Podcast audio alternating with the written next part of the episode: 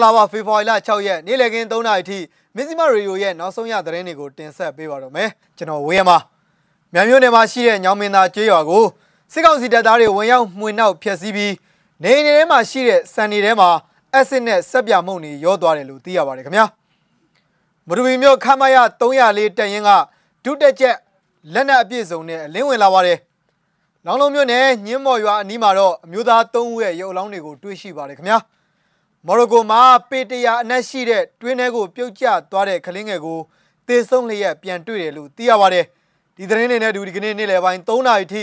နောက်ဆုံးရရှိတဲ့သတင်းတွေကိုတင်ဆက်ပေးမှာပါခင်ဗျာ။ပထမဆုံးသတင်းတစ်ပုဒ်အနေနဲ့မြိုင်မြို့နယ်မှာရှိတဲ့ညောင်မင်းသားကျေးရွာကိုစစ်ကောင်စီတပ်သားတွေကဝင်ရောက်မှွေနှောက်ဖျက်ဆီးပြီးနေအိမ်တွေထဲမှာရှိတဲ့စံတွေထဲမှာအက်ဆစ်နဲ့ဆက်ပြမှုန့်တွေရောသွားကြောင်းသိရပါတယ်။ဇန်နဝါရီလ29ရက်နဲ့30ရက်နေ့မှာအင်ချီ200လောက်ရှိတဲ့ညောင်မင်းသားရွာကို စစ်ကောင်စီတပ်တွေကဝင်ရောက်မှွေနှောက်ပြီးတော့ဖျက်ဆီးကြတာလည်းဖြစ်ပါတယ်။ရွာထဲမှာစစ်သားတွေတညအိနှစ်ရက်လောက်နေထိုင်သွားတယ်။ရွာမှာရှိတဲ့ကြက်တဝက်တွေတက်စားတယ်။နေအိမ်တွေကိုဖျက်ဆီးတယ်။စီပုံးတွေရေခဲတစ်တာတွေကိုရိုက်ခွဲတယ်။ရေပိုက်တွေကိုဖောက်ရေကန်တွေကိုရိုက်ခွဲတယ်။ဆိုင်ကယ်တွေပက်စီးပြီးလမ်းမတွေပေါ်မှာပစ်ထားတယ်။ကြံခဲ့တဲ့ပဲတွေစံတွေတဲကိုဘက်ထရီအိုးတွေတဲကအက်ဆစ်တွေစက်ပြမှုန့်တွေနဲ့ရောပြီးတော့ထားခဲ့တယ်လို့ညောင်မင်းသားကျေးရွာသားတို့ကပြောပါတယ်ခင်ဗျာ။အင်အားတရာလောက်ရှိတဲ့အဲ့ဒီစစ်ကြောင်းကတော့မြိုင်မြို့နယ်ကနေထွက်လာပြီး ပလဲမြို့နယ်မှာရှိတဲ့မွေတုံကျေးရွာပန်းရွာလော်ကားကျေးရွာတွေကိုထပ်ပြီးတော့ဝင်ရောက်ပြီးမိရှုဖျက်ဆီးမှုတွေကိုလည်းဆက်ပြီးတော့လှုံ့ဆော်သွားခဲ့ကြပါတယ်အဲ့လိုဖျက်ဆီးခံရမှုမှာတော့မွေတုံကျေးရွာမှာ196အိမ်ပန်းရွာမှာ185အိမ်လော်ကားကျေးရွာမှာတော့အိမ်ချီ200ကျော်ကိုမိရှုဖျက်ဆီးသွားကြတာဖြစ်ပါတယ်ခင်ဗျာဇန်နဝါရီလ31ရက်နေ့မနက်ခင်းမှာမွေတုံကျေးရွာကိုရောက်လာတဲ့ည7နာရီမှာမွေတုံရွာကိုစပြီးတော့မိရှို့ကြတယ်ကျွန်တော်တို့ပန်းရွာသားတွေလည်းထွက်ပြေးကြရတာပေါ့ ည7နာရီလောက်မှာပန်းရွာကိုထပ်ပြီးတော့ရောက်လာကြပြီးအကုန်လုံးကိုမီးရှို့ကြပြန်ရောခုနေအိမ်တွေပြာကျကုန်ပြီလို့ပြာကျနေတဲ့နေအိမ်ရှိမှာပန်းရွာသားတဦးကစစ်ကောင်စီတပ်သားတွေမီးရှို့ကြပုံကိုပြန်ပြီးတော့ပြောပြပါတယ်ခင်ဗျာမီးလောင်ထားတဲ့ဆက်ပြီးဆိုင်ငယ်နဲ့အိမ်နိုင်ငုတ်တူလေးသာကြံနေရတဲ့မြင်ကွင်းကိုလည်းပြည်သူတွေကပေးပို့လာတဲ့ရုပ်သံဖိုင်ထဲမှာမြင်တွေ့ရပါတယ်မီးရှို့ခံရတဲ့အချိန်မှာတော့တောင်သူတွေစိုက်ပျိုးသီးနှံရိတ်သိမ်းပြီးချိန်ဖြစ်ရာစပကြီးတွေထဲမှာတူလောင်ထားတဲ့စပားသီးနှံတွေနဲ့အခြားပဲသီးနှံတွေပါ ပျက်စီးခဲ့ရပါတယ်ခင်ဗျာဒါအပြင်ခြံထဲမှာရှိနေတဲ့ခိုင်းနွားတွေနဲ့ကြက်ဝက်တွေလည်းမီးလောင်တဲ့အထဲမှာပါသွားခဲ့ရတယ်လို့ပန်းရွာကလေသမားတူကပြောပါတယ်ခင်ဗျာနောက်ထပ်သတင်းတစ်ပုဒ်အနေနဲ့ချင်းပြည်နယ်မတူပီမြို့အခြေစိုက်ချင်းမြန်တရင်ခမရ304က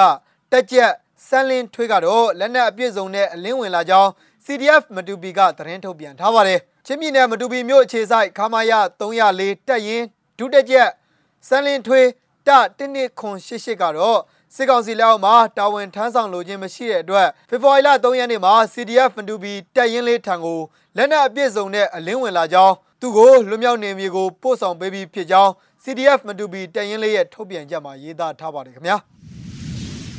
နောက်ထပ်သတင်းပုတ်အနေနဲ့တနင်္လာရီတိုင်းဒဝဲခရိုင်လောင်းလုံးမြို့နယ်ညင်းမော်ကျေးရွာအနီးမှာရှိတဲ့ခြံတခြံတွင်းမှာမြေမြုပ်ထားတဲ့ လူငယ်အမျိုးသား၃ဦးရဲ့ရုပ်အလောင်းကိုဖေဖော်ဝါရီလ၄ရက်နေ့ကတွေ့ရှိခဲ့ကြောင်းအဲ့ဒီကျေးရွာမှာရှိတဲ့ဒေသခံတွေထံကသိရပါတယ်။အခုတွေ့ရှိတဲ့ရုပ်လောင်း၃လောင်းမှာတော့တနက်ထိတန်ရာတွေအပြင်ဓာတ်တန်ရာတွေနဲ့မြေကျင်းတစ်ခုထဲမှာအတူတူမြုပ်နှံထားတာဖြစ်ပြီးဘယ်အကြောင်းကြောင့်အသက်ခံရပြီးသေဆုံးနေတာကိုတော့မသိရှိရသေးကြောင်းဒေသခံတို့ကပြောပါတယ်။လောင်လုံးမြို့ဒေသခံတို့ကအလောင်း၃လောင်းကမနေ့ကမနက်ပိုင်းကအနှံ့ရလို့တွေ့ရှိတာဖြစ်တယ်။ အခုချိန်ထိအဲ့ဒီအလောင်းတွေကဘာကြောင့်တက်ခံရတယ်ဘယ်အဖွဲ့ကဆိုတာအခုချိန်ထိမသိရသေးဘူးဖြစ်နေတယ်လို့သူကပြောပါတယ်အဲ့ဒီရုပ်လောင်းသုံးလောင်းကတော့အသက်ခံရပြီးသေဆုံးက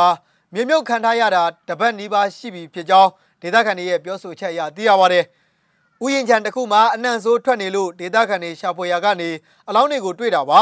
ဘယ်သူလက်ချက်ဖြစ်မလဲမသိရဘူးအလောင်းတွေကလွန်ခဲ့တဲ့တပတ်လောက်ကမြုပ်ထားတာဖြစ်နိုင်ခြင်းများတယ်ဘယ်သူပဲဝါဘယ်ရွာကဆိုတာမသိရသေးပါဘူးလို့ ညင်းပေါ်ကျေးရွာဒေသခံတူကရှင်းပြပါတယ်ခင်ဗျာလက်ရှိချိန်မှာတော့အဲ့ဒီရုပ်လောင်းတွေကိုဖေဖော်ဝါရီလ9ရက်နေ့မနက်ပိုင်းမှာတူးဖော်ပြီးကျေးရွာနိုင်ရေးကူညီမှုအသင်းတွေကလာရောက်တည်ဆောင်သွားပြီးမိသကြိုပေးခဲ့ကြောင်းဒေသခံတွေကပြောပါတယ်ခင်ဗျာဒီကနေ့နေ့လယ်ပိုင်းရဲ့နောက်ဆုံးသတင်းတစ်ပုဒ်အနေနဲ့နိုင်ငံတကာသတင်းတွေဘက်မှာတော့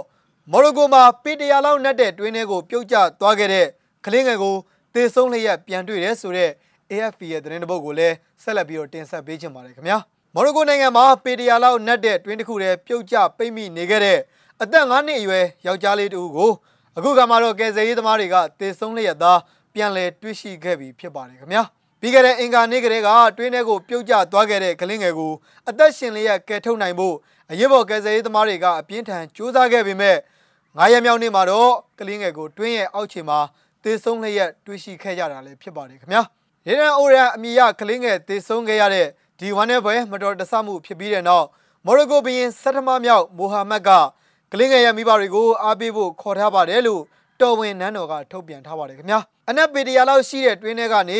ရေယန်ကိုကယ်ထုတ်ဖို့ရက်တွေနဲ့ကြာလှုပ်ဆောင်ခဲ့စဉ်တွင်မှာကလင်းငယ်သေသလားရှင်သလားမသိနိုင်ဘူးဆိုပြီးအာနာပိုင်တွေကကနဦးကလေးကသတိပေးထားခဲ့တာလည်းဖြစ်ပါတယ်ဒါပေမဲ့အခုခါမှာတော့ကလင်းငယ်သေဆုံးပြီဆိုတဲ့သတင်းကြောင့်နိုင်ငံမြောက်ပိုင်း Rift တောင်တန်းပေါ်မှာရှိတဲ့သူ့ရဲ့နေအိမ်ရှိရာ E-Grain ကျေးရွာမှာဝမ်းနဲ့ညှိုးငယ်မှုတွေကိုဖြစ်ပေါ်စေခဲ့ပါတယ်ခင်ဗျာအဲ့ဒီနေရာမှာတော့ထောင်ထဲချီတဲ့စေတနာဝန်ထမ်းတွေဟာမိသားစုနဲ့အတူတသားတည်းရှိကြောင်းပြသဖို့အတွက်အခုအပတ်တွင်လာရောက်စုဝေးရောက်ရှိနေခဲ့ကြတာလည်းဖြစ်ပါတယ်ပြီးခဲ့တဲ့ရက်တွေအတွင်းမှာကလင်းငယ်ကျသွားတဲ့အတွင်းအနီးမှာတူပေါ်မှုတွေလှုပ်ဆောင်နေခဲ့တဲ့ကယ်ဆယ်ရေးသမားတွေဟာအတားအဆီးတွေကိုဖောင်ဖြတ်ပြီးကလင်းငယ်ပိတ်မိနေတဲ့နေရာကိုရောက်ရှိသွားချိန်မှာတော့ကလင်းငယ်ကိုသေဆုံးလျက်သားတွေ့ရှိရတာလည်းဖြစ်ခဲ့ပါတယ်ခင်ဗျာ ဖေဖော်ဝါရီလ6ရက်နေ့လည်ခင်း3နာရီထိနောက်ဆုံးရရှိခဲ့တဲ့သတင်းတွေကိုတင်ဆက်ပေးခဲ့တာပါခင်ဗျာမဇ္ဈိမရေဒီယိုကိုစောင့်မျှော်နားဆင်ကြတဲ့ပြည်သက်အပေါင်းကိုယ်စိတ်နှပြချမ်းသာချမ်းသာကြပါစေလို့ဆုမွန်ကောင်းတောင်းလိုက်ရပါတယ်ထူးခြားတဲ့သတင်းတွေနဲ့အတူကျွန်တော်တို့မကြခင်မှာပြန်လည်ဆုံတွေ့ကြပါမယ်ခင်ဗျာ